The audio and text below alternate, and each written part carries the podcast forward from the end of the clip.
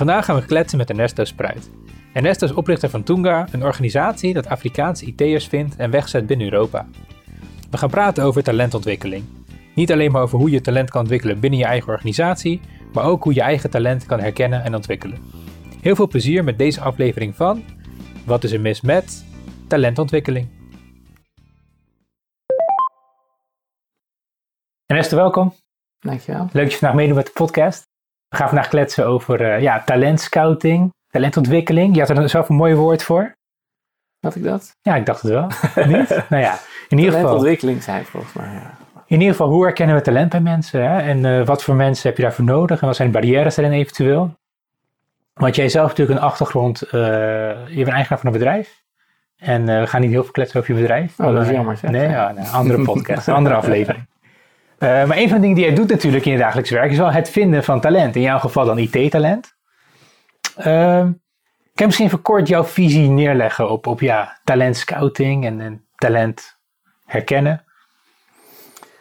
Uh, nou, mijn visie is in ieder geval, ik heb er nooit zo expliciet eigenlijk over nagedacht, oh, okay. maar dat iedereen heeft talent. Of hmm. iedereen heeft een bepaald potentieel, dat is misschien beter gezegd. En wat voor mij de kunst is, is om dat potentieel te herkennen en om dat tot wasdom te brengen. Hmm. He, dus uh, ik weet ook weer uh, wat we zeiden over uh, welk woord ik had gebruikt. Het ging, ik kon er geen Nederlands woord vinden, maar ik zei het gaat bij mij eigenlijk om het unlocken van het potentieel. Okay. Wat mensen hebben. En um, ja, mijn visie daarop is dus dat je mensen in contact moet brengen met datgene, dat je het zichtbaar moet maken. En dat je ze eigenlijk uh, vrij moet maken om uh, dat talent uh, ja, tot, te verder te ontwikkelen. Oké. Okay. Ik kan er iets meer over vertellen. Want ik heb nog niet echt een beeld erbij. Ja, mensen zichtbaar maken. Mensen nou, ik zal een voorbeeld geven. ik ben dus actief op de voetbalclub. Oké. Okay. En daar hou ik me ook bezig met talentontwikkeling. Gewoon een amateurclub. Ja. Um, maar mijn rol is eigenlijk het uh, indelen, teamindelingsproces van de jeugd, om dat uh, in goede banen te leiden. Dat is ook mm -hmm. altijd heel spannend, vooral voor ouders eigenlijk. Ja. welk team gaat mijn kind een team omhoog of een team omlaag? Dat, dat is allemaal heel heftig voor veel ouders, voor kinderen eigenlijk vaak veel minder. Um, en uh, dan is de filosofie van onze voetbalvereniging niet. Ja, we willen gewoon uh, tien mensen naar een betaald voetbalorganisatie krijgen of zo. De filosofie is gewoon: nee, we willen dat iedereen hier aan zijn trekken komt. Hmm. Dus we hebben mensen die komen misschien meer voor de prestatie, die moeten aan hun trek komen. Maar je hebt ook andere mensen die komen meer voor de recreatie, voor het plezier, die moeten ook aan hun trekken komen. En onze visie is eigenlijk uh, ontwikkeling en plezier, die, dat zijn communicerende vaten, die versterken elkaar. Dus uh, hoe beter je iemand eigenlijk in een ontwikkeling kan zetten, hoe Mhm. meer succesbeleving je iemand kan geven, Mhm. uh, hoe meer plezier diegene ook zal hebben. En hoe meer plezier iemand heeft, hoe makkelijker diegene zich weer ook weer openstelt om zich te ontwikkelen. Nou, dit werkt voor kinderen op een voetbalvereniging, maar dit werkt ook in mijn bedrijf waar wij IT-talent uit Afrika uh, Mhm. ja, eigenlijk naar de markt brengen. En het werkt ook in business coaching. Want ik, ik doe, werk dan ook vaak met ondernemers om, uh, van start-ups bijvoorbeeld, Mhm. om, om ze verder te helpen. Eigenlijk is, is dat, ik heb gewoon gemerkt van in al die verschillende domeinen waar ik iets met talentontwikkeling uh, doe, dat dat, dat dat principe van plezier en ontwikkeling, dat dat heel goed uh, samengaat. Oké, okay. nou die wil ik heel graag uitpakken. Laten we terugbrengen naar de werksferen. Vind ik leuk. Uh, dus plezier in je werk. Nou ja, goed, je moet ook presteren. Je kan niet alleen maar plezier hebben in je werk. Ja. Dus vaak als je wordt aangenomen, word je aangenomen voor een bepaalde functie. Ja. Laten we zeggen, je wordt verkoper, even om een voorbeeld te nemen. Ja, en een verkoper, die moet gewoon verkopen, toch? Ja. En het, gaat, ja, het maakt mij niet zoveel uit als, als leidinggevende of jij nou plezier hebt of niet. Het gaat mij om dat jij netjes je taak doet en ja. genoeg verkoopt. Nou, A, maakt het mij wel uit, omdat het mijn bedrijf is. Ja, ja. En eh, plezier een van onze kernwaarden is. Eh, maar stel nou dat jij verkoper bent en jij, eh, ik zeg tegen jou, het maakt niks uit of je niks verkoopt. Mhm. En jij verkoopt niks. Mhm. Ga je dan plezier hebben in je werk? Nee, ik denk het niet.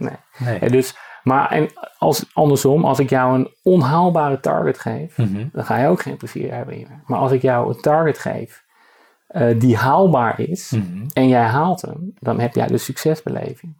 En dan kan ik daar ook nog misschien als salesmanager een bonus bijvoorbeeld aan koppelen, Ja. noem maar wat. Hè, en dat stimuleert jou. En dat stimuleert ook jouw pleziergevoel. Wat interessant, ik had afgelopen, ik doe dus af en toe nog eigenlijk ben ik gewoon fulltime ondernemer, maar af en toe doe ik nog uitstapjes gewoon wat ik leuk vind. En ik was door de oude directeur van de basisschool van mijn kinderen, die zit op een nieuwe basisschool, was ik gevraagd om daar een kernwaardesessie te doen. Hmm. Ook op die school. En daar kwam dus ook uit die groep naar voren, een, een bepaald gedeelte van die groep, die zei, wij vinden plezier hier een belangrijke waarde op deze school. En toen zeiden andere mensen van, nou, eh, dat vind ik helemaal niet. Eigenlijk zei hij precies over, ja, hoezo? Er moet, soms moet er ook gewoon gewerkt worden en uh, dat zie ik niet zo. En, en, toen hadden we een hele interessante, eigenlijk een verdieping op het woord plezier. Mhm. Want plezier wordt natuurlijk vaak geassocieerd met lol, met lachen en met uh, eigenlijk een beetje lichtvoetigheid. Ja.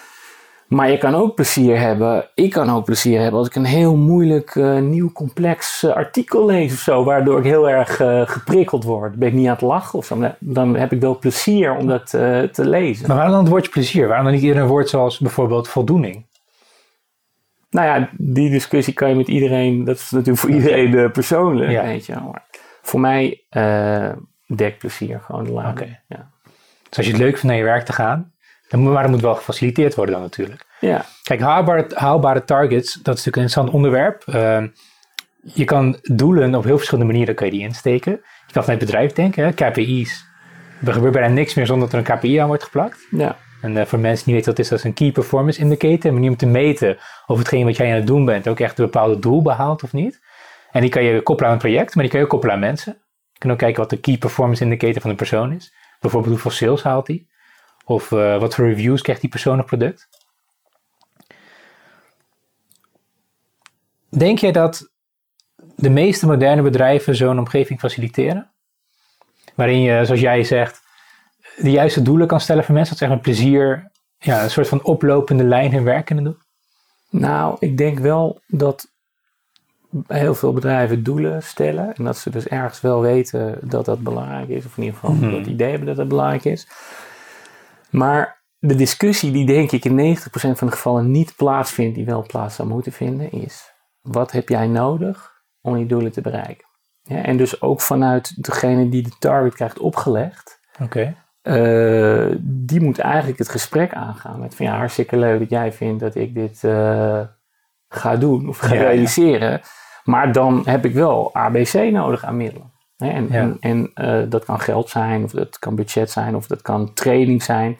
Hè, maar uh, uiteindelijk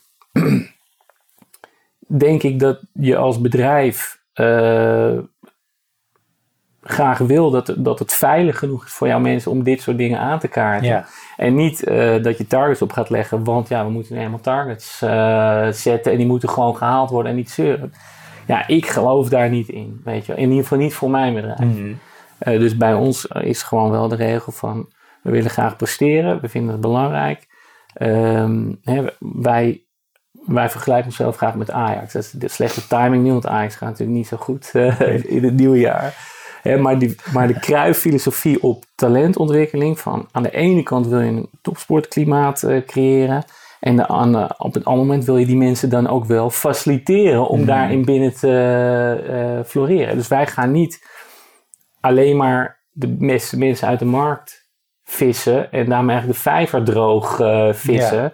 Nee, wij willen gewoon investeren in die vijver, weet je. En dan mhm. geloven wij gewoon, dan komt daar voor ons voldoende uh, ja, talent ook weer uit. Dat vind ik mooi. Interessante filosofie. En, en hoe faciliteer je die mensen dan? Je geeft iemand een opdracht. Stel we gaan terug naar het salesvoorbeeld. Ja. Je hebt tien, tar je hebt, nou, tien afspraken per maand moet jij maken.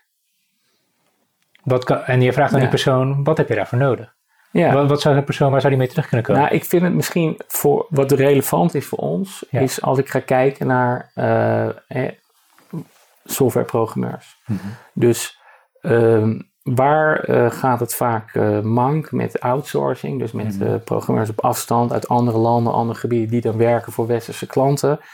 Is enerzijds heb je natuurlijk het technische gedeelte, mhm. van kan jij überhaupt wel code kloppen, om het zo te zeggen. En anderzijds, uh, maar ik denk veel belangrijker vaak, is het wat we soft skills noemen. Mhm. Dus uh, begrijp jij die klant? Kan je goed communiceren met elkaar? Uh, kan jij goed jouw, jouw taken managen of kan je er goede afspraken over maken? Kan je goed functioneren in een team? Dat soort dingen allemaal. Nou, wat wij doen op het moment dat wij krijgen dagelijks uit heel Afrika eigenlijk sollicitaties, mm -hmm. mag ik op platform. Nou, dan wil ik ze testen. Mm -hmm. En dan ga ik ze testen op technische skills, maar ook op soft skills. Dus hoe communiceer je, hoe reageer je in bepaalde contexten, mm -hmm. situaties, et cetera. Nou, dat spiegel ik terug naar diegene. Dus we maken dus een soort nulmeting. En als je dan niet uh, kwalificeert, wat meestal het geval is, okay. de eerste keer, dan zeg ik niet, nou, de mazzel. Oké. Okay. Maar dan zeg ik, je kunt dit en dit doen uh, om je skills te verbeteren. Hè? En als je dit dan gedaan hebt, kom dan nog een keer terug en dan gaan we kijken of het wel past. Hè? Dus wij organiseren oh, ja. zelf ook trainingen. En, en maken ze ook wegwijs in van dingen die we misschien niet zelf doen, maar wat wel online te krijgen is, dat soort dingen. Dus in principe gaat het erom dat je mensen, ja, teach men to fish, weet je wel. Uh, dus dat je mensen gewoon uh, de middelen geeft om zichzelf te verbeteren en ook duidelijk meetbare criteria geven. Nou, wanneer voldoe je dan wel? Ja, dus in het geval van die sales manager, ja, ga, je, ga je toch het gesprek aan van, nou, ik denk dat deze tooling handig is voor jou om dit te gaan doen. Dus je moet een telefoon hebben, bij wijze van. Ja. Je moet een ja. CRM-systeem hebben. Uh, nou, wie is eigenlijk onze doelgroep? Dus waar gaan we leads vandaan halen? Nou, daar ga je samen over hebben. Maar ik ben wel altijd, ik verwacht wel van mensen dat zij dan zelf ook aangeven als zij het idee hebben dat het beter kan. Of dat als, wat wij voorstelden dat niet goed is. En um, en dat is ook uh, zeg maar een beetje de Kruif-filosofie mm. van ja, uiteindelijk moet het ook wel uit jezelf komen. Ja. Dus ik ben niet verantwoordelijk voor uh, jouw prestaties. Jij bent zelf verantwoordelijk voor jouw prestaties. En daar, ik denk als je mensen niet verantwoordelijk maakt voor hun eigen prestaties, dan gaan ze ook niet ontwikkelen. Nee. Ja, ik vind het heel mooi, want het is, dit is echt lange termijn denken, zoals ik het zie. Dus niet de instant gain, maar echt inderdaad wat jij zegt, investeren in de vijver. Uh, moet het bedrijf zich wel daar, daartoe lenen? Dan moet wel het hele bedrijf daarin, daarin meewerken eigenlijk. Want stel jij hebt... Eigenlijk is het een type bedrijfscultuur dat jij nu omschrijft, toch? Een plek waar mensen zich op wat langere termijn kunnen ontwikkelen. Waar ze ook het gevoel dat ze de manager kunnen gaan zeggen... joh, ik heb X, Y, Z nodig en ik ga het voor je regelen, maar ik heb dit wel nodig om het te kunnen doen. Hoe kun je zo'n veilige sfeer maken, denk je, in je bedrijf? Ja, dat is grappig dat je het vraagt, want uh, dat gebeurt bij ons gewoon automatisch natuurlijk. Wij zijn gewoon persoonlijkheid, dat zou kunnen, hè? dat het gewoon in lijn is met de persoonlijkheid van de leidinggevende. Nou, dat, ik denk wel dat bij uh, wat kleine ondernemingen zeker de bedrijfscultuur vaak een reflectie is van de, de persoonlijkheid ja. van de ondernemer. Ja. En wat bij ons interessant is, dat wij zijn mensen, mensen in een branche die juist uh, heel erg apathisch mm. vaak is. Hè? Dus IT. en, maar wij komen, ja, ik en mijn partner hebben allebei uh, hotelschool uh, gedaan. En kwamen vervolgens via omzwervingen uit de NGO-hoek. Oh, ja. Ik ben het ooit begonnen eigenlijk met het idee van ja, het fair trade. Dat is hartstikke leuk, dat is heel sympathiek. Um, maar ja, daar creëer ik eigenlijk een afhankelijkheidsrelatie van mensen die uh, ja, in een, laten we zeggen, ineffectief landbouwsysteem gehouden worden. Uh, omdat we hier mensen zo gek krijgen om wat uh, van die specifieke koffie uh, of chocola te oh, nuttigen, ja. zeg maar. En dus dat is heel veel moeite met z'n allen om een suboptimale uitkom uitkomst te krijgen. Terwijl ik dacht van, hé, hey, iedereen hier heeft tekort aan IT'ers. En daar zitten heel veel jongeren. Kijk, als ik als ik in Kampala op straat ga vragen wat wil je laten worden, koffiebonenplukker of uh, techie, mm. dan wil natuurlijk 99,9% uh, techie worden, weet je wel. Dus ik dacht dus intelligent, goed betaald werk uh, met uh, ja, heel veel toekomstperspectief. Daarom zijn we het eigenlijk begonnen. Dus vanuit een heel erg mensgeoriënteerde visie. Mm -hmm. En toen natuurlijk ook een beetje door schade schande wijs geworden. Um, maar dat zit wel echt tot heel diep verankerd in wie we zijn als bedrijf. Ja. We komen niet vanuit een zeg maar IT-nerd, techie-hoek. nee. Wat dat betreft. Ik wil het even uit het bedrijfsleven trekken. Nou, jij begon erover. Ja, ja, nee, nee, klopt, klopt, klopt. Maar nu wil ik toch even eruit trekken, want ik zit nu te denken wat in mijn hoofd afspeelt. Ik zit even na te denken. Maar wat, uh, we hebben nog niet gehad over persoonlijke ontwikkeling. Dus even los van je bedrijf en hoe je het doet op bedrijf, hoe je dat doet als bedrijfsvoering. Hier in Nederland, als wij het over hebben over talent en over je eigen talentontwikkeling, heb je daar nog een bepaald idee over? Denk je dat mensen goed de talent voor bij zichzelf kunnen herkennen? Nou, ehm, wat zou ik daar nou eens over zeggen? Ik vind dat het schoolsysteem in Nederland niet per se bijdraagt aan een optimale talentontwikkeling. Oké. dus je wordt eigenlijk al heel, op heel jonge leeftijd word je in een keurslijf uh, gedrukt. Ik denk overigens tegenwoordig wel minder dan toen ik zelf in het schoolsysteem zat. Ehm, en eh, ja, als je dan alle boxjes uh, afvinkt, dan aan het eind dan krijg je een soort van brevet van vermogen. Maar om nou te zeggen, dan heb je nou ontdekt waar liggen mijn talenten en wat is er voor nodig om die verder te ontwikkelen. Want daar is eigenlijk helemaal geen ruimte voor, denk ik. Nee, dat denk ik ook. Nee, nee ben ik heel sterk met je eens. Sterker nog, misschien zelfs tegenovergestelde waar. Vaak concentreer je op je zwaktes hè, op school. Dan ga je reflecteren en dan ga je kijken, oké, ja, hoe kan ik het, wat had ik vooral beter kunnen doen? En het goed doen, dat, dat wordt ook al behandeld, maar vaak heel kort, heel beknopt. Maar als je slecht doet, dan komt er een actieplan. Hoe ga je dat fixen? Ja. Niet hoe ga je wat je al goed doet, hoe ga je dat uitwerken? Hoe ga je daar nog meer uitputten? Waarom is dat zo, denk je? Nou, waarom? Dat, weet ik serieus niet. Ik denk gewoon dat, dat zoiets dat groeit en het ontstaat, weet je. Ja. dat is natuurlijk een heel log systeem wat heel moeilijk in beweging te krijgen is. Uh, maar wat interessant is, is dat uh, op een gegeven moment ergens, dat is wel een aardig verhaal. Uh, ik, ben altijd, ik heb altijd wel een beetje een probleem met autoriteit gehad. dus mijn okay. schoolperiode ja, was gewoon niet leuk, want ja, heel passief moet je de hele tijd luisteren. Mm -hmm. uh, en, um, en netjes in het gereel lopen. En dat is gewoon niet mijn ding, weet je. Nooit geweest en dat zal het ook niet worden. Uh, dus ik was altijd wel vrij rebels, eigenlijk extra rebels mm -hmm. daardoor. En op een gegeven moment uh, liep ik stage bij een adviesbureau in Leiden, of Leiden-dorp. En daar was ik ook rebels. Ik was eigenlijk gewoon een eikel. Als ik heel eerlijk ben. Als ik bij zelf nu terug zeg wat zou kunnen aanspreken, toen zou ik echt bij mijn nek veel grijpen en zeggen: jongen. maar goed, ik had ook een beetje een soort moeilijke relatie met de eigenaar van het bedrijf, die denk ik ook wel rebels was. Mm -hmm. En die heeft mij toen een boek gegeven en daar had hij ingeschreven: De wereld is misschien niet altijd zoals jij denkt. Mm. En dat vond ik zo onsympathiek van die gast. Vond ik zo toen, hè? Nu ja, ja. denk ik van was een heel groot cadeau. Want uiteindelijk heb ik dit boek, heb ik vijf jaar of zo, is met mij mee verhuisd in mm. verschillende settings. En toen ben ik een keer, ging ik op vakantie en toen heb ik het een keer, nou dacht ik had geen ander, nou neem ik dat mee, ga ik lezen. En uh, toen bleek dat, denk ik, het enige, misschien wel het enige uh, zelfontwikkelingsboek uh, dat ik ooit gelezen heb, dat echt tijdloos is. En dat is The Seven Habits van Stephen Covey. Of Highly Successful People? Ja. ja. Vind ik een fantastisch uh, boek. Waar ik nog steeds iedere dag wat aan heb. Mm -hmm. En ik, ik heb die man uh, nooit meer bedankt eigenlijk uh, daarvoor. Ja. Waarom niet?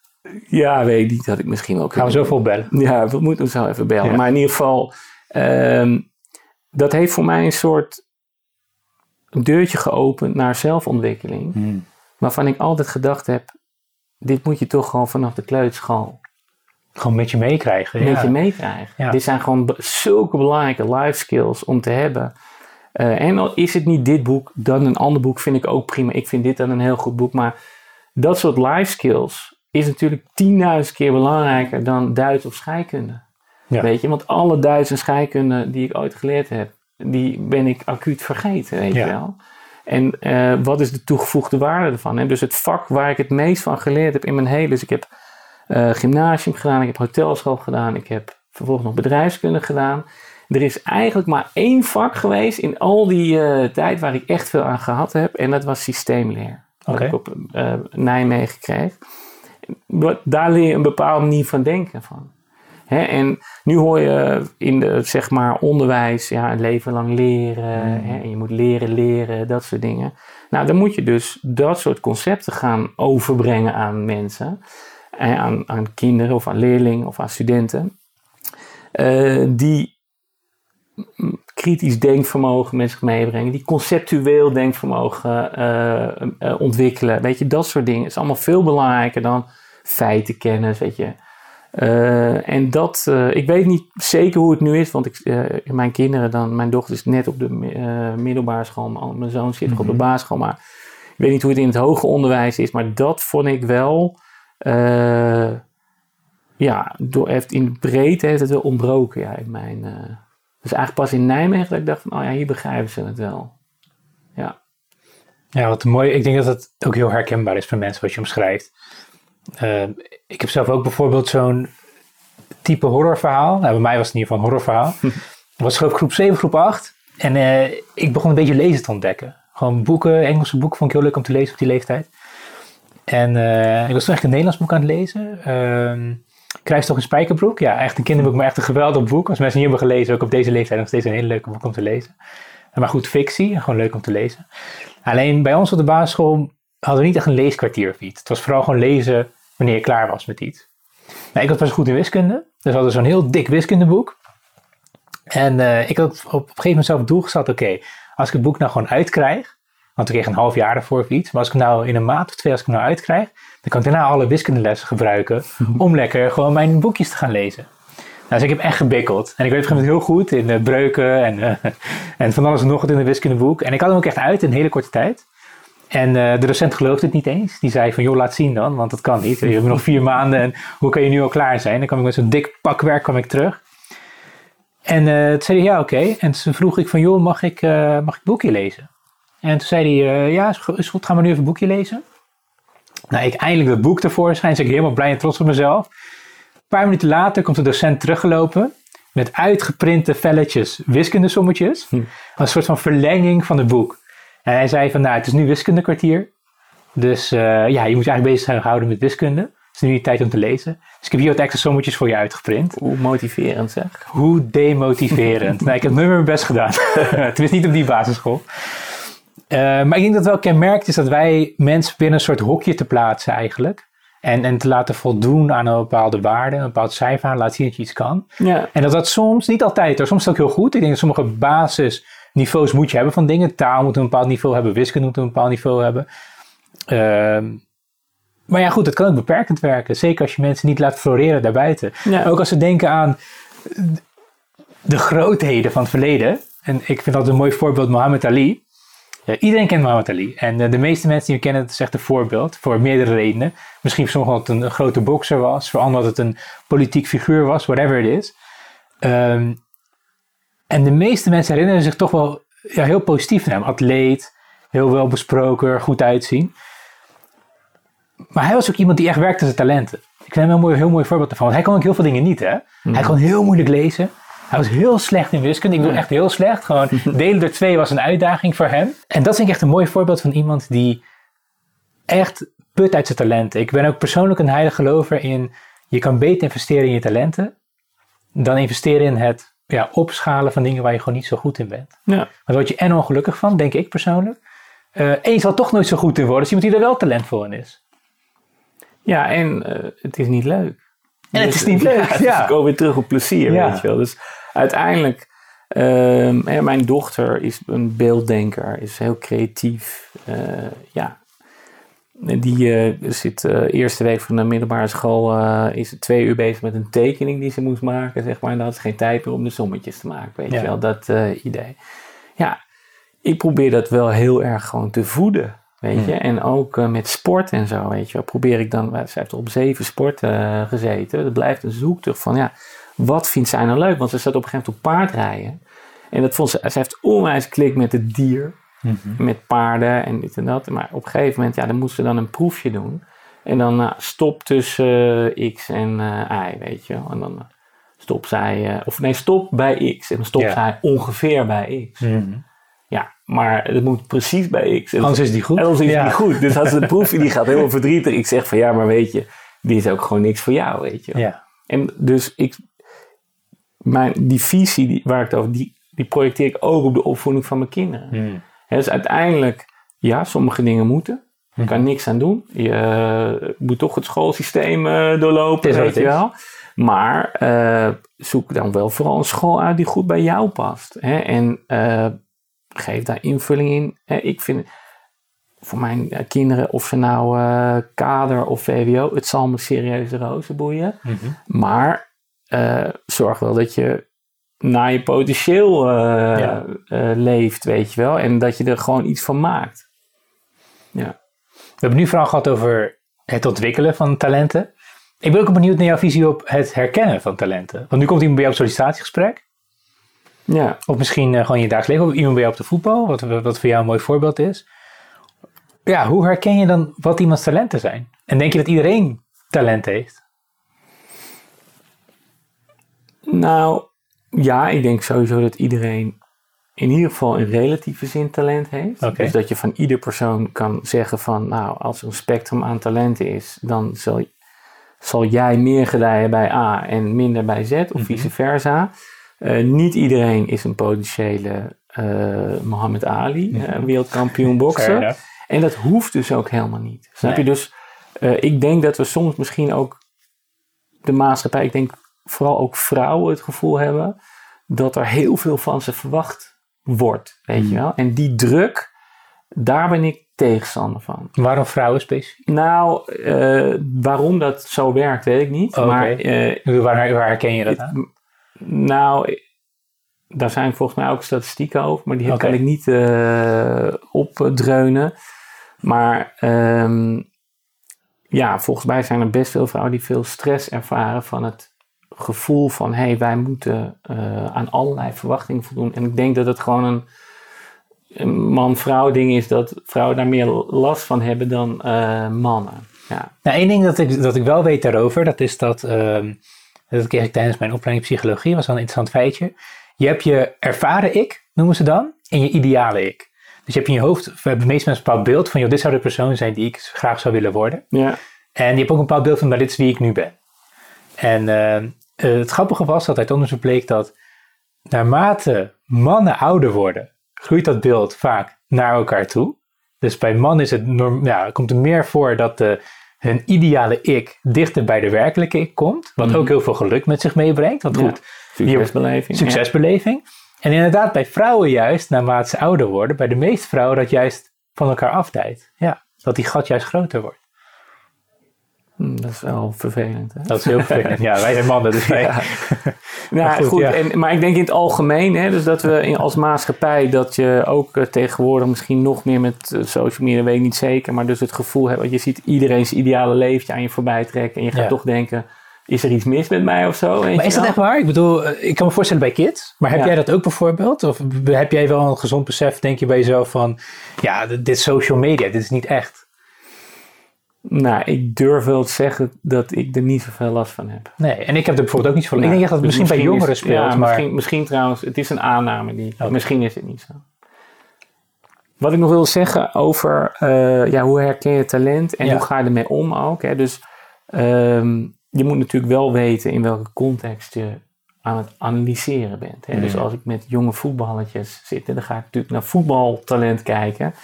En dus je moet eerst gaan definiëren van nou, wat vind je nou belangrijk? Ja. En dat is op zich al heel moeilijk. Bijvoorbeeld als je voetbal hebt, natuurlijk duizenden mensen mening over. En daar is ook, eh, daar is ook de wetenschap zeg maar niet over eens. Van Mhm. wat, ma wat maakt nou, wat zijn nou de ingrediënten voor een goede voetballer?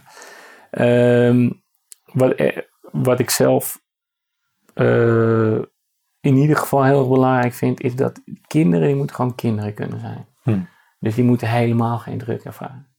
En eh, ik zie het ook, hè? dus ik zie precies. Ik, mijn jongste zoon die kan eh, vrij aardig eh, voetballen, dus die zit in het hoogste team. En dan zie je eigenlijk precies welke kinderen de ouders relaxed zijn en welke kinderen de ouders het hoog in de bol hebben, bij wijze van Oh, waar zie je dat aan? Ehm, nou, ik zie het aan de stress die kinderen beleven op het veld. Hè, dus ehm, maak ze een fout, hoe ga je ermee om als je een Ja. fout maakt? Dat Ja. je meteen, eh, ben je meteen van slag, Mhm. zeg maar. Vaak is dat een gevolg van dat ze dus druk ervaren. Dus Mhm. bijvoorbeeld een van de regels is ook dat je je eigen kind niet coach zijn. Zegt, Alleen de coach coacht de kinderen. Dus ouders mogen wel zeggen hup en zet hem op, maar niet eh, nu naar links, nu naar rechts. Ik kan precies zien, de ouders die die regel regelmatig schenden, zijn de kinderen die het meest druk ervaren en die dat dus in de weg zitten. En die En presteren dus ook slechter. presteren slechter, ontwikkelen zich minder slecht. dus, en als je het dan hebt over ontwikkeling van talent, zo, jongen kan dus wel heel veel talent hebben, maar dat gaat er op deze manier niet nee. Uh, goed uitkomen. hij is meer bezig met wat zullen mijn ouders van denken? Of ja, doe kinderen, ik het zo zijn kinderen toch geprogrammeerd. Weet je? je wil je ouders uh, ja. blij maken, weet je wel. Dus, uh, en ik vind, daar moet je kinderen eigenlijk helemaal niet mee belasten. Net zoals dat... ook niet een beetje? En dan vind je niet dat ze wel... Want is het gevaar dan niet als nou, je helemaal niet meer belast als ze dan niks gaan doen?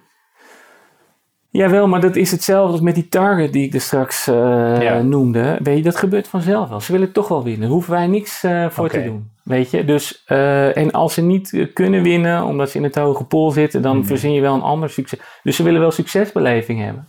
En je moet ze wel, dus de lol van succesbeleving bijbrengen is eigenlijk heel weinig uh, voor nodig. Alleen je moet, kijk, op een gegeven moment zei de KNVB van we gaan um, uh, winnen en verliezen en zo afschaffen. En je kan niet meer kampioen worden. Dat is, dat is eigenlijk vooral omdat ouders daar niet goed mee om kunnen gaan. Oké. Um, maar ik vind wel, winnen en verliezen hoort bij sport, maar hoort Ja. ook een beetje bij het leven. Mhm. En ik wil ze dus niet die kans ontnemen om daarmee leren om te gaan. Mhm. En dat vind ik trouwens in het algemeen. Er is tegenwoordig een soort tendentie in de maatschappij dat kinderen en mensen mogen niet gekwetst worden. Ze mogen geen negatieve ervaringen hebben. Maar eigenlijk ontneem ik uh, kinderen dan een leerervaring. Uh, dus als ik als een soort curling-ouder ze alle slechtheid bij ze weg ga halen hun hele jeugd, dan zijn ze incompleet op het moment dat ze zo de maatschappij inkomen. Mhm. Dus ik heb liever dat we leren omgaan met winnen en verliezen. En dat je dus ook met waardigheid kan verliezen. En dat je ook je best blijft doen als je 5-0 achter staat. Dat je daar ook plezier in kan ontdekken. Dus ik ben heel erg wel bezig met ze leren om plezier te hebben. Mhm. Ongeacht de omstandigheden.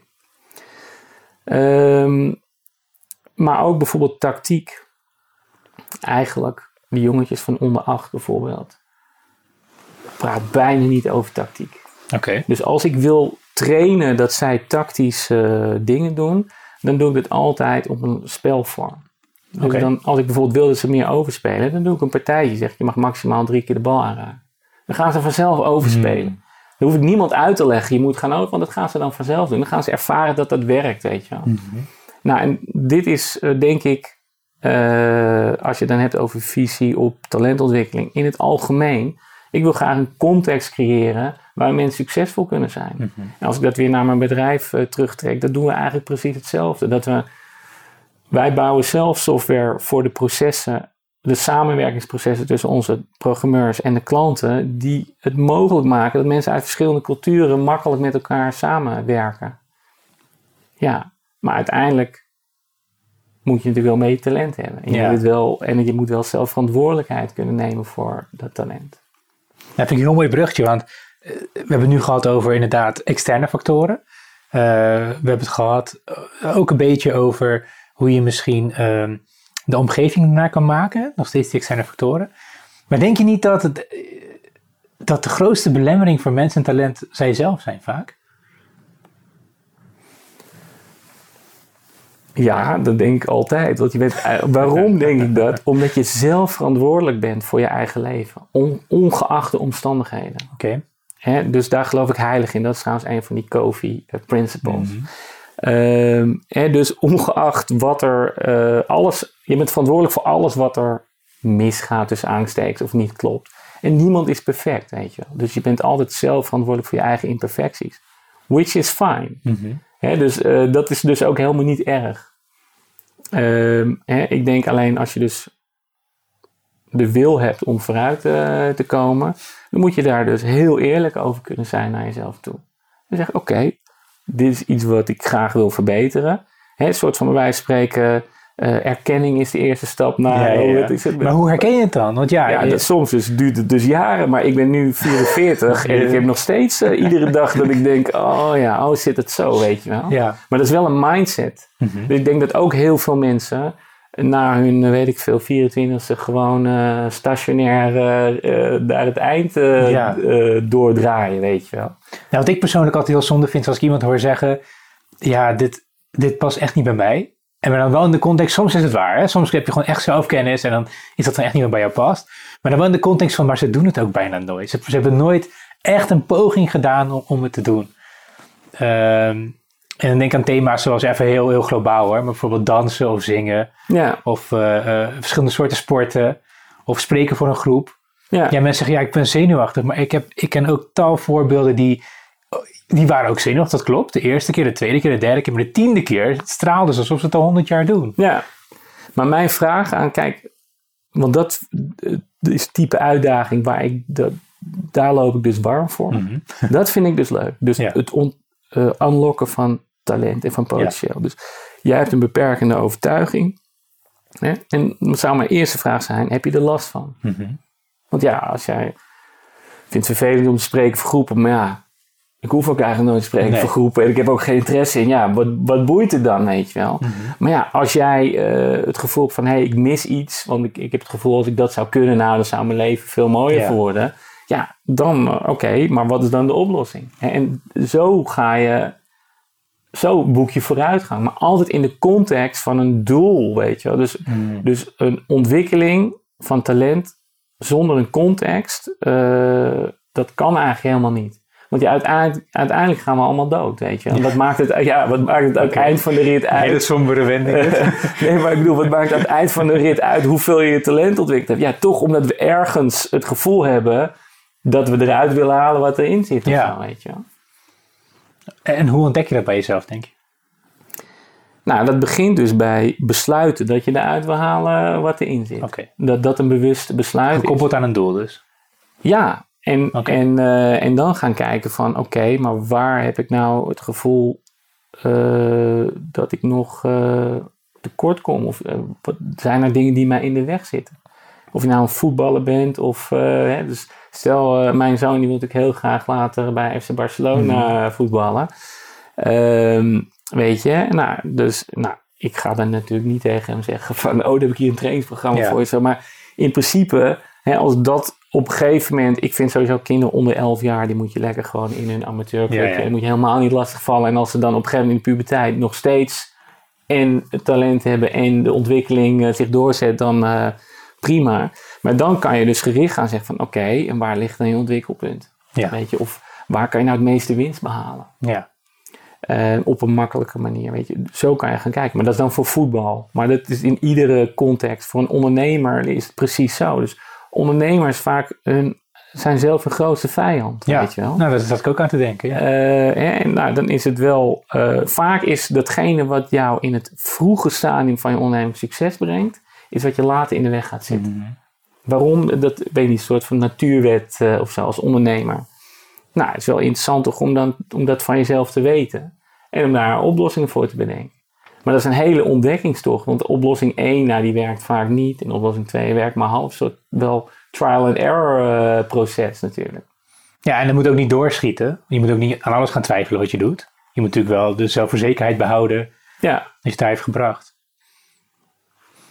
Ja, dat is wel een balans, denk ik. Want aan de ene kant inderdaad kritisch kijken naar jezelf, dat is belangrijk. Eh, ja, maar het kan wel makkelijk doorslaan, denk ik ook, naar te kritisch zijn. En dan niet meer dingen durven uitproberen of geen verandering meer aandurven. Nou, het moet leuk, althans voor mij Ja, moet ja. het dan leuk toch weer terug bij leuk, ja. Kom ik toch weer bij plezier, weet je wel. Van, ja, ik doe het uiteindelijk voor, ook om er voldoening uit te Ja. halen, om jouw woord te gebruiken. Eh, dus op het moment dat het een lijdensweg wordt, dan doe je ook iets niet goed. Nee. En, maar dat is wel, eh, want jij vroeg van hoe kom je erachter? Ja, ik kom er altijd achter omdat er toch ergens iets gaat knagen. Ja. Dat ik denk, ja, dit is nu de 500ste afslag die ik neem in mijn leven, weet je wel. maar ja, het is misschien ook, ja, ik heb er geen probleem mee om een afslag te nemen. Nee. En, en daar zit denk ik misschien iets van, mensen willen heel graag consistent zijn. Ja. Eh, dus het, hè, daar komt ook bijvoorbeeld cognitieve dissonantie Mhm. eh, vandaan. Eh, Wil je dat uitleggen voor de luisteraars, wat dat is? ja, cognitieve dissonantie is dus dat je geconfronteerd wordt met dat de werkelijkheid niet zo is als dat jij dacht dat die was. Mhm. En dat geeft je dan een ongemakkelijk gevoel. En wat mensen dan vaak gaan doen, stel dat ik denk, of ik, mijn beeld is bananen zijn recht en ik zie, hé, hey, die banaan is krom. Dan ga ik bijvoorbeeld zeggen, ga ik een beetje onderhandelen met werk. Hij zegt, nou, ah, hij is best wel een beetje recht, toch? Ja. Weet je wel, zo. Ehm, hè, en eh, dat, ik denk dat mensen graag consistent zijn. Dus mensen veranderen moeilijk van mening, want dan, dat voelt niet Mhm. eh, authentiek of Ja. zo. Dat komt weer terug op dat het is niet wie ik ben. Hè? Ja. Dat kan ik niet, of ja, dat is niet maar dat, daar heb ik zelf geen last van. En en uh, dat is ook als ik met mensen werk, of het nou programmeurs, ondernemers of kinderen uh, is, dat altijd probeer weg te nemen. Oké. Okay. Van, ja oké, maar ja, je wil dat toch? Mm -hmm. Dus dan, dan maakt het toch niet uit. Oh nee, nou, misschien maakt het ook niet uit. En wanneer moet je de stekker eruit trekken, denk je, Ernest? Uit wat? Stel je jaagt achter een doel aan of een droom. Ja. En uh, ja, het lukt je een jaar niet. Je wil cabaretier worden, je hebt nog geen lachje gekregen na een jaar. Wanneer, wat is nou het punt dat je tegen jezelf moet zeggen van oké, misschien is het, heb ik dit talent gewoon niet. En moet ik kijken of ik het ergens anders mee kan doen. Nou, dit is wel dat is een hele interessante vraag. Um, kijk, het, de werkelijkheid is natuurlijk dat je tegelijkertijd in weet ik veel hoeveel rollen zit in je leven. Dus je hebt niet één doel. Hmm. Je hebt heel veel verschillende, je bent met heel veel verschillende dingen bezig, weet je. Ik heb uh, een bedrijf, ik heb een vrouw, ik heb kinderen, ik heb vrienden, Ja. ik heb sport, Mhm. weet ik veel wat allemaal. Daar heb ik allemaal ideeën bij van, nou, hoe haal ik daar voldoening uit? Hoe haal ik daar plezier uit? Wat, wat zijn dingen die ik daarmee wil bereiken, weet je? Eh, en dan kom je dus op het vlak van afweging maken. Hoe belangrijk is dit doel ten opzichte van andere doelen? Hoe groot is mijn investering eh, in het doel? Eh, en ik denk niet dat er een vaste formule is om te kunnen zeggen van nee, dat is het. Dat is het punt. eh. maar ik, voor mij is een heel belangrijke graadmeter is, is toch wel, vind ik het nog wel leuk dit. Plezier. Ja. Als het lijden wordt, dan is het eh, moment om je zeven achter je oren te krabben en te zeggen van volgens mij moeten we even, even een, Maar er mogen wel periodes van lijden in zitten, toch? Ik bedoel, het is niet altijd regen en zonneschijn. Of het is niet altijd zonneschijn. Nee, dat, Dus dat- regen en zonneschijn. lijden mag er zeker ook zijn. Oké. Lijden mag er zijn, maar het kan ook. eh, misschien kan je ook via een andere weg je doel bereiken. Snap je dus? Maar stel dat het voorbeeld van je wil cabaretier worden en er lacht nooit iemand om Ja. je grappen. Best wel grappig situatie. Ja. Op het moment dat je dan gaat lijden, dat is wel een signaal dat je eigenlijk moet zeggen: wacht even, ik ben nu aan het lijden. Ja. Kijk, je kan wel gaan zeggen: ja, lijden hoort erbij. Mhm. Eh, maar in principe is lijden een signaal dat je iets moet veranderen. Nou, ik ken gewoon een aantal mensen, weet ik het op, ik ken een aantal mensen, dat zijn high achievers, die presteren, maar die zijn heel goed om zichzelf in de hand te houden. Dus die kunnen zichzelf heel goed dwingen. Ja, Om, die, die worden gewoon in de ochtend wakker om half zes, die gaan tussen zes, zeven gaan ze sporten. Ze beginnen stipt, weet je wel, acht uur op hun werk, ze blijven tot acht uur zitten. En ze kunnen steeds hun eigen grens verzetten en verzetten, zetten. En ik denk wel dat die mensen aan het lijden zijn, maar op een of andere manier blijven ze wel gemotiveerd en, en toch wel werken aan hun doelen. Ja. Ja. Ja, dus die hebben misschien, oké, iedereen is anders, weet je. wel. is Dus de vraag ja. is, wat is lijden eh, in deze? Mhm. Eh, ik denk op het moment, dus nogmaals, als je succesbeleving hebt, als je vooruitgang boekt, Mhm. door de bank genomen, dan, dan is het die investering, wat jij lijden noemt, wel waard, weet je. Mhm. Het kan natuurlijk ook een uitzichtloze situatie zijn. Kijk, als je 40 bent en je bent nog niet eh, boven tweede klas amateurniveau uitgekomen, dan is het wel veilig om aan te nemen dat je nooit het eerst van Barcelona eh, terecht Ja. gaat komen. Die conclusie had je misschien ook wel eerder kunnen trekken, weet je wel. Mhm. Eh, en dan is het wel handig om tijdig tegen jezelf te zeggen, wacht eventjes, dit wilde ik, maar dit is niet aan het gebeuren nu. Mhm. Misschien moet ik een andere route kiezen. Nou, dat komt ook weer terug op wat jij eerder benoemde van de juiste doelen stellen. Dus ze moeten niet onbereikbaar zijn, Ja, maar ze moeten ook niet niet bestaand zijn, want dan ga je helemaal, ja, dan heb je geen richting. Ja, en het is, eh, hè, dus eh, als je een marathon gaat lopen, dan is misschien een marathon 42 kilometer het einddoel. Maar dan moet je natuurlijk gaan opknippen. Ja. En eh, laten we eerst maar eens even die eerste 5 kilometer goed doorkomen, noem maar Mm. wat. Zo zie ik het ook vaak. Ja, en als je bij 10 kilometer 10 je been breekt, dan is het tijd om uit te stappen. Talent is natuurlijk ook iets dat relatief is. Ehm, vind je dat je jezelf moet vergelijken met mensen als je aan het ontwikkelen bent een bepaald talent? Ehm, ik vind dat het goed is om benchmarks te creëren. Om gewoon context te begrijpen waarin je bezig bent en hoe jij eh, staat ten opzichte van, het, eh, van, ja, van anderen. Of van. Mhm. Ik denk niet dat je je eigen, je eigen waarde ervan moet laten afhangen en je plezier ervan moet laten afhangen hoe jij het doet ten opzichte van anderen. Dat is wel moeilijk. Want eh, stel je wordt fitnesser en je sport zes maanden en je doet net zo hard je best als al die anderen, als, je- als je vrienden die er ook heen gaan. Ja, Die beginnen allemaal heel goed hè, gespierd eh, te worden. En bij Ja. jou loopt dat achter. Dat, ja. Dan kan je tegen die persoon zeggen van ja, maar laat dat je niet afleiden, weet je wel. Jij moet gewoon je eigen pad volgen. Ja. Maar goed, die ervaart natuurlijk wel dat hij heel veel moeite stopt in iets, maar niet de resultaten haalt dat hij. Ja. En, en Dus- de anderen wel omheen. ja, dus het geeft informatie. Mhm. Ehm, en dat is hartstikke goed. Want dan kan hij namelijk, wat doen die anderen dan anders dan jij bijvoorbeeld? Mhm. Op die manier kan je daarover na gaan denken. Ehm, maar ja, hij heeft toch een doel.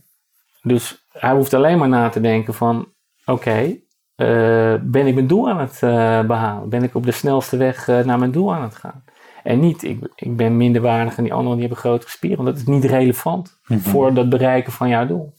Tenzij je doel is, eh, ik wil graag de coolste gozer van de sportschool zijn. Ja, ja. Dan moet je een andere strategie misschien eh hanteren. Nou, het is misschien ook het verschil tussen zeg maar, een competitieve omgeving ten opzichte van een niet-competitieve omgeving. Ja, Want eh, sommige baantjes of, of professies die zijn nou eenmaal heel competitief. En sommige zelfontwikkelingsdingen zijn nou eenmaal competitief. Die toets je aan hoe goed je het doet ten opzichte van anderen. Maar anderen ook weer niet. ja, maar dat is een mooi voorbeeld. Want eh, bijvoorbeeld waar ik vroeg als kind, wat ik nooit begreep, is dan eh, ging bijvoorbeeld eh 100 meter sprint op de Olympische Spelen. Dan wist je al, het wordt of Ben Johnson of Carl Lewis. Ja.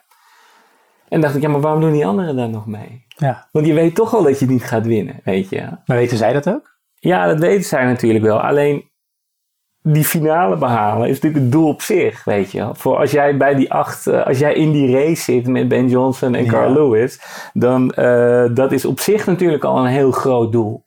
Hè? En uiteindelijk, want dat vind ik zo mooi aan sport, dat het, uh, weet je, als ik nu iemand tegenkom en die uh, zegt van, nou, ik heb professioneel gebasketbald, ik kijk nooit basketbal. Nee. Toch vind ik het super cool. Ja. Weet je wel? Uh, dat, ja, dat, dat is gewoon die investering, het bereiken van, uh, van successen. En dat is dus relatief naar die context. Ja. Weet je? Maar als jij basketballer bent en jij haalt de eredivisie van Nederland, dan is het gewoon super vet. Maar, nou, als, ik jij, vraag me af maar als jij het talent was dat uh, gedoodverfde koning van de NBA zou worden en dan haal je de, de competitie van uh, ja, Nederland, ja, ja. dan is het niet zo vet. Nee. Weet je? nee, maar ik denk dat bij uh, we voor toppresteerders, atleten zijn een mooi voorbeeld, maar je hebt ook andere type toppresteerders.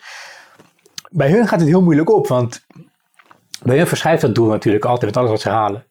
Zelfs als jij de, uh, als jij sprint wint, 100 meter sprint, en je bent wereldkampioen en olympisch kampioen, dan is je eerstvolgende doel, lijkt mij als topsporter, oké, okay, hoe ga ik het vasthouden? Hoe ga ik de record breken van vijf Ja. jaar achter elkaar of zes jaar achter elkaar? Dat is een eindeloos... Ja, hoe ga ik ervoor dat ik de oudste sprinter word die ooit nog een kampioenschap... Dus dat, dat is een doel dat continu opschuift. Dat geeft even voldoening op het moment dat je behaalt.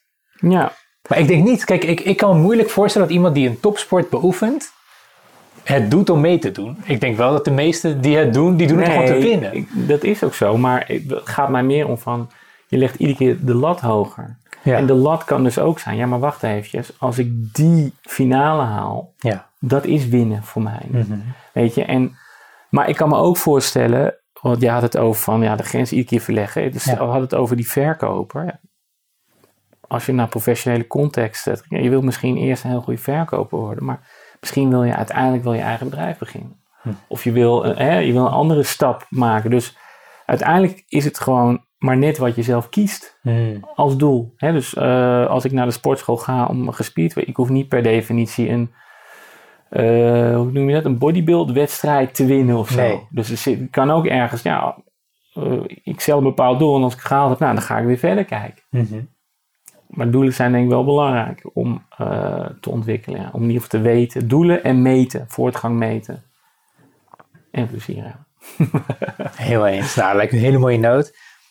En er, is er iets dat jij graag, nu voor de luisteraars die luisteren, dat je denkt van joh, als je toch aan het nadenken bent over talentontwikkeling of het scouten van talent, of misschien talent in bedrijf, whatever je bij jou nu in jou opkomt, eh, dat je graag mee zou willen geven. Iets, iets om over na te denken of een, een laatste stukje advies om ze mee te geven. Ehm, nou, ik zou willen zeggen, als jij, stel je hebt een bedrijf en je bent aan het nadenken van, nou, ik heb allemaal mensen in dienst en eh, hoe ga ik daar nou het maximale uithalen? Denk win-win, weet Mhm. je wel? Dus denk van, probeer gewoon de filosofie te hebben van, hey, als het goed is voor die mensen, is het goed voor mij. Ja. Dus vanuit een eh, abundance mindset, zoals ze dat eh, zo mooi eh, noemen. En ja, probeer dus oprecht te denken van oké, wat kan ik geven aan die mensen? Wat hebben zij nodig om vooruit te komen? Dat niet alleen ik wat aan heb, maar dat zij er ook wat aan hebben. Zonder aanzien des persoons. Wat bedoel je daarmee? Nou, uh, weet je, dat is misschien een aardig brugje naar waar we het uh, daar straks uh, over hadden. Ik werk natuurlijk uh, met jongens, vooral jongens, jongens en mhm. meisjes, maar vooral jongens uit Afrika. En wij hebben te maken met een giga stigma. Mm -hmm. Want ja, als, gemiddeld genomen, als wij bij een klant aanbellen en zeggen van... Hey, we hebben IT-programmeurs uit Afrika en die kunnen we bij jou detacheren dan uh, hebben mensen gezegd, Afrika heb ik nog nooit van gehoord. Weet je wel, dat daar ook IT'ers uh, vandaan komen. En uiteindelijk, ja, ik zit zo niet in elkaar. Want ik zit, ik zou altijd, en heel veel van mijn klanten trouwens ook niet hoor. Dus die mhm. zijn dan vooral geprikkeld en nieuwsgierig. Maar uiteindelijk gaat het erom van, oké, maar uh, nou, show me the money, weet je. Dus wat heb je te bieden? En ja, of jij nou zwart, geel of wit of weet ik veel, welke gender of geaard, maakt allemaal eh, geen, uh, geen reet uit. Uh, talent is talent, weet je wel. En uh, zo bedoel ik het, zonder aanzien des persoons. Aha. Nou, wat, wat mij nog gelijk prikkelt is, ik denk wel dat het voorkomt dat als mensen het idee krijgen dat ze vanwege hun geaardheid gekort worden, op wat voor manier dan ook, dat het een hele sterke invloed kan hebben op hun talentontwikkeling. Gekort, je bedoelt positief gediscrimineerd, bedoel je dan? Of, nee, gekort. Oh, echt? Gekort, oh, ja, echt, juist gediscrimineerd. Ja, precies. In de zin van inderdaad, hè, uh, weet ik veel wat, je komt uit Suriname, nou we denken dat die een bepaalde werkethiek hebben, dus dat zou jij ook wel hebben, bijvoorbeeld. Of uh, je komt uit, uh, je bent een Chinees, Chinese hard werken, dus we gaan eerder voor jou kiezen als een positief voorbeeld. Ja. En bij Surinamers kunnen mensen denken dat ze misschien wat luier zijn. Dat is een stigma dat de Surinaamse uh, groep zou kunnen krijgen. Um, kijk, wij gaan hier niet racisme oplossen. Ik denk dat we dat niet moeten proberen. Maar ik ben wel benieuwd naar hoe jij denkt over, stel, jij bent een talent. Of je, je weet zeker wie een bepaald talent. Maar je hebt wel het idee van, die wordt niet erkend, of die wordt in ieder geval minder erkend. Ja. En ik heb het idee dat dat komt door mijn rast, door mijn afkomst. Ja. Wat zou je die mensen adviseren? Ja, dat is natuurlijk heel moeilijk. Ja, dat is geen makkelijk. uh, ik denk dat ik. Uh, ik vind het heel moeilijk om, om in te schatten. Kijk, wat ik in ieder geval in Afrika uh, meemaak, is dat wij proberen een heel veilige atmosfeer te creëren mhm. met elkaar. En, um, want daar is bijvoorbeeld hiërarchie is een heel groot ding, weet je. Als, dat ik, als ik daar langskom en ik ben de baas, en zal, zullen ze in een meeting waar ik in zit, als ik zeg, oh, ik vind geel een leuke kleur, zullen ze nooit zeggen, nee joh, dat is geen leuke kleur, weet je wel. Dus, um, dus we proberen wel heel erg een uh, atmosfeer te creëren waarin dat dus wel kan. Mm -hmm. um, en waar we gewoon man en paard kunnen noemen. Snap je? Dus uh, maar beide kanten op ook. Oké. En ik zou altijd willen werken in een omgeving waar dat kan. En ik denk dat ik het bespreekbaar zou maken. Mm Dus, dus uh, als ik bij wijze van spreken Marokkaans ben, ik zit in een sollicitatiegesprek en ik denk van ja, ik sta 10-0 achter vanwege mijn achter, uh, etnische achter, mhm. afkomst, dan, zou ik, uh, dan zou ik dat waarschijnlijk benoemen. Want ik denk dat dat heel ontwapenend kan werken. Mm Weet je wel, als je gewoon bij wijze van spreken zegt uh, of een grapje over maakt. Kijk, je moet het natuurlijk niet op een heel beladen manier uh, brengen. Uh, maar als je een grapje maakt in het rand van hey, je gaat me niet afwijzen omdat ik Marokkaans ben hè, of zo, weet je ja, ja, ja, Dat, je, dat je het in ieder geval ja, toch een beetje het op tafel kan leggen en verbinding kan maken. Want anders zit je daar je riedeltje af te draaien. Ja. En dan krijg je zelf alleen maar een slecht gevoel van. Plus, je weet het ook niet. Ik ben zelf super slecht in solliciteren. Oké. Okay. Nou, een van de redenen dat ik ondernemer... Autoriteitsproblemen. Ja, dat, nou, misschien ook. maar ook gewoon dat een van de redenen dat ik ondernemer ben geworden... is waarschijnlijk ook omdat uh, nooit iemand me wilde hebben. Nee, maar omdat ik wel... ik heb een aantal keer gesolliciteerd. Uh, en dat werd nooit wat. En de keren dat ik wel een, een, zeg maar een vaste baan heb gehad... werd ik altijd gevraagd. Hmm. Omdat een iemand zei van nou, hij, moet je hebben. Weet je. Ja. En dan ben ik eh, zeg maar als een vis in het water. Maar als ik dan het gevoel heb van ik moet hier een beetje soort op de catwalk eh, Hmm. mezelf eh, een beetje goed presenteren.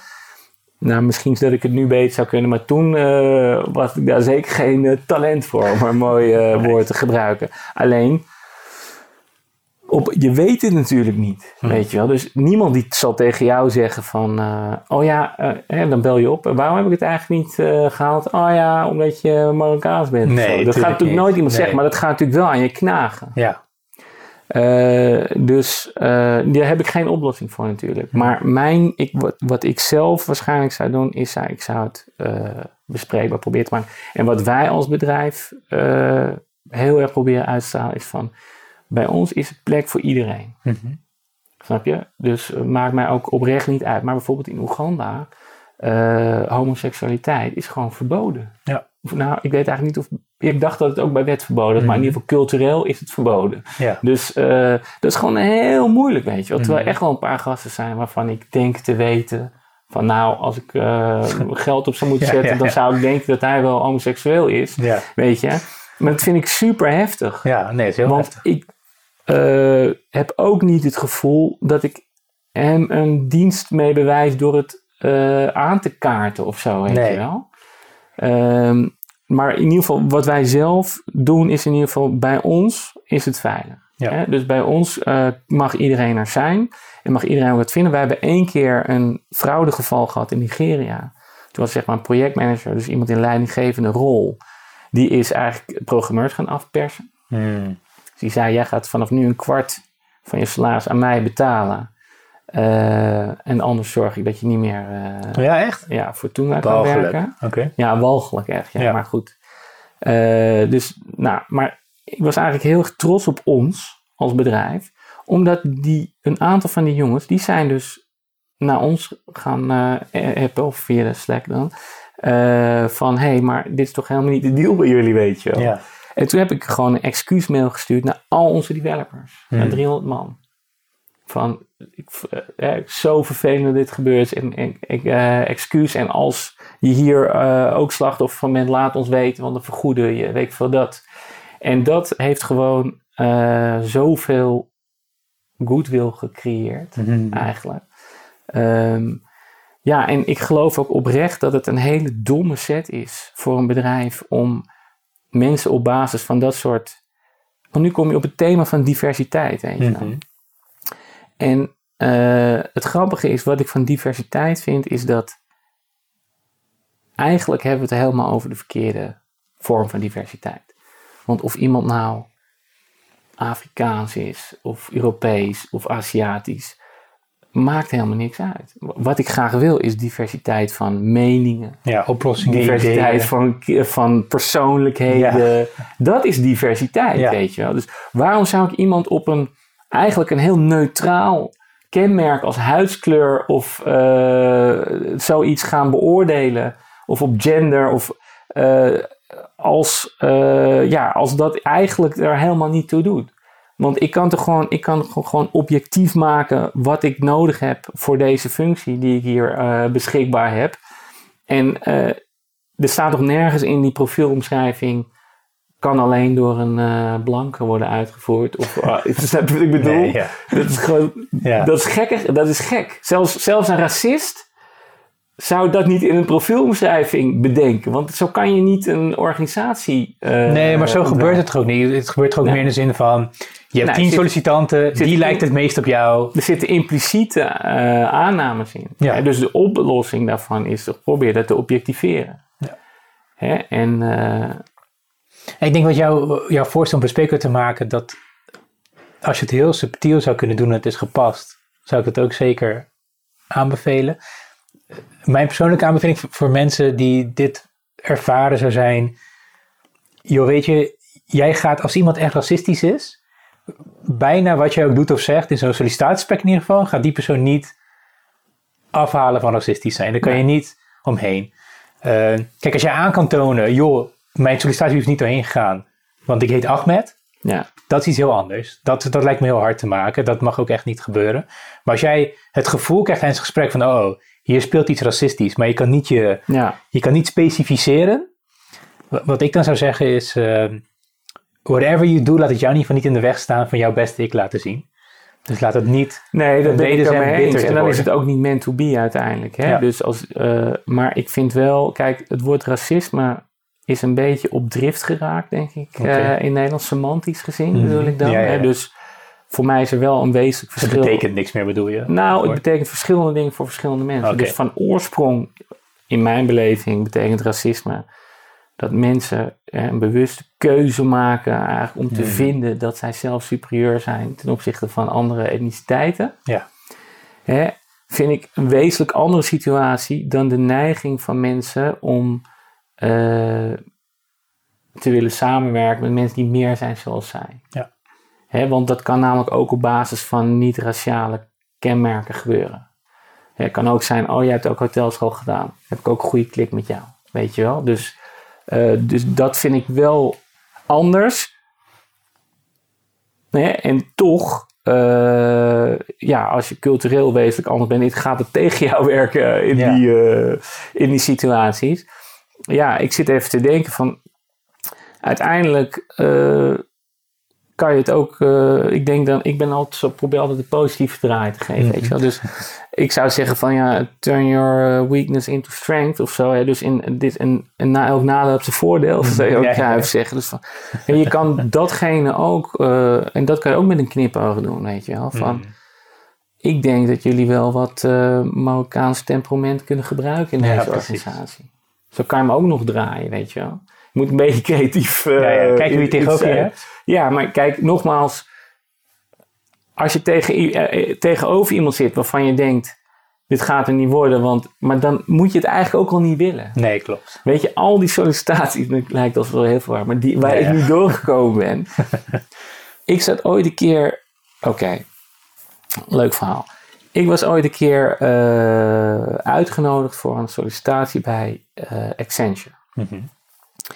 En eh, wat gebeurde er? Ik eh, was een beetje aan het freelancen, her en der. Ik had een aardige, tijdens mijn eh, laatste studie bedrijfskunde had ik een best wel een goede freelance eh, adviesbusiness opgebouwd. eh, want ik wilde niet meer in de horeca werken. En was een beetje uit de hand gelopen in positieve zin. En toen uit dat netwerk wat ik had opgebouwd, eh, kwam mijn cv ergens bij Accenture terecht. En die dachten, interessante gast. Goede opleiding, eh ja, extracurriculair, eh, eh, lekker bezig.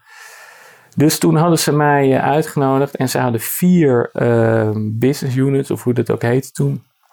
Waarvan er eentje was process en eentje was strategy. Mhm. En toen zeiden ze, wil je niet solliciteren, want ze hebben hier allemaal vacatures voor process. Eh, toen, zei, toen zei ik van, eh, nou process dat vind ik niet interessant. Of strategie zou ik eventueel wel interessant vinden. Mhm. Nou, hebben ze mij uitgenodigd.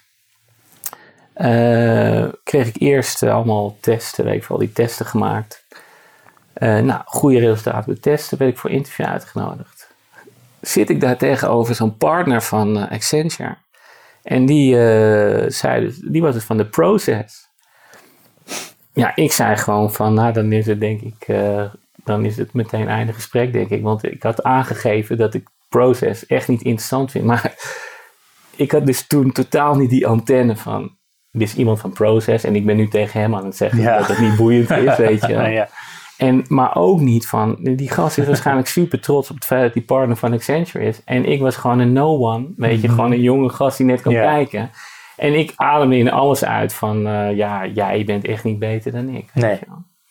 Dus dat was cultureel gewoon een totale mismatch. Maar je moet er niet aan denken dat die mensen mij hadden aangenomen. Want Zou alleen maar erger worden. dat, dat was natuurlijk. Voor iedereen slecht. dat was voor iedereen slecht geweest, weet je wel. Dus uiteindelijk het was een heel onbevredigend gesprek. Voor hem, maar eigenlijk ook voor mij. Want ik dacht Ja. echt, wat doe ik hier eigenlijk? Eh, en het was wel duidelijk eh, dat het geen match wordt. Maar toen, ik kwam ook naar buiten. Ik dacht van, ja, weet je. Dit is ook niet voor jou. nee. Prima, nee, het toch? is perfect toch? Want als jij daar een toneelstuk hebt opgehouden, dat je het wel toch nog een beetje interessant vond. En je zat daar anders voordoen dan je bent om maar ergens Nee. door te komen. Om vervolgens met mensen te werken die heel anders in de wedstrijd zitten dan jij. Dus dat gaat niet. Alleen jezelf in de voet schieten. Ja. Lijkt me heel mooi. Ehm, En Nesta, als iemand jou wil bereiken Ja, voor talent, misschien IT-talent, hoe kunnen ze het best, of advies, je doet ook wat coaching heb ik begrepen Ja. en eh geeft ook presentaties. klopt ja. Ik heb twee websites. eh, voor de IT-talent is www.tunga.io, T-U-N-G-A.io. En eh, mijn eh, andere website is www.ernestosspruit.nl. Spruit is dan met U Grieks IT. Oké, en wanneer vind je het leuk als mensen contact met je opnemen? Nou, als ze een interessant verhaal hebben. Ja, ja. Nee, weet je, ik sta altijd wel open voor eh, interessante eh, ontmoetingen. En eh, ja, ik heb altijd die 10, 15 procent van mijn tijd eh, voor dit soort eh, dingen die ik eigenlijk, waar ik eigenlijk geen tijd voor heb gereserveerd. Eh, dus eh, hartstikke leuk. En misschien leuk om te zeggen, ik weet niet of het primeur is of niet, maar je overweegt ook om je eigen podcast te beginnen. Klopt, ja. Wat voor gasten zou je leuk vinden, die jou eventueel kunnen benaderen voor... Ja, nee, ik wil graag een podcast gaan doen over, ja, ik moet nog precies definiëren, maar laten we zeggen avonturen van ondernemers. Ja. En dan een beetje de remarkable stories, dus eh, ja, dingen die echt wel bijzonder zijn om eh, te horen. Dus ik ben gewoon op zoek naar remarkable ondernemers die, eh, die bijzondere en leuke dingen doen of hebben gedaan. Top. Nou, als er luisteraars zijn die, waarvan, die denken van... hé, hey, ik ben wel een remarkable ondernemer. Twijfel Mhm. niet om contact op te nemen met Ernesto. Ernesto, hartstikke bedankt. Ik denk, we hebben denk ik heel veel geraakt. Alles over talentontwikkeling. En ik denk dat er veel mensen die hebben geluisterd... zeker een pareltje eruit halen. dat hun leven een beetje beter maakt. Dus dankjewel voor dit gesprek. En eh, laten we het nog een keer doen. Super, dankjewel.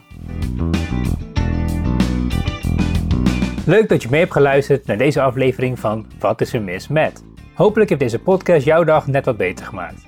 Mocht je tips hebben, gasten aan willen dragen of de podcast graag willen steunen, twijfel dan niet om contact met mij op te nemen. Mail dan gerust naar watisermismet@gmail.com. Nogmaals dank voor het luisteren en tot de volgende keer.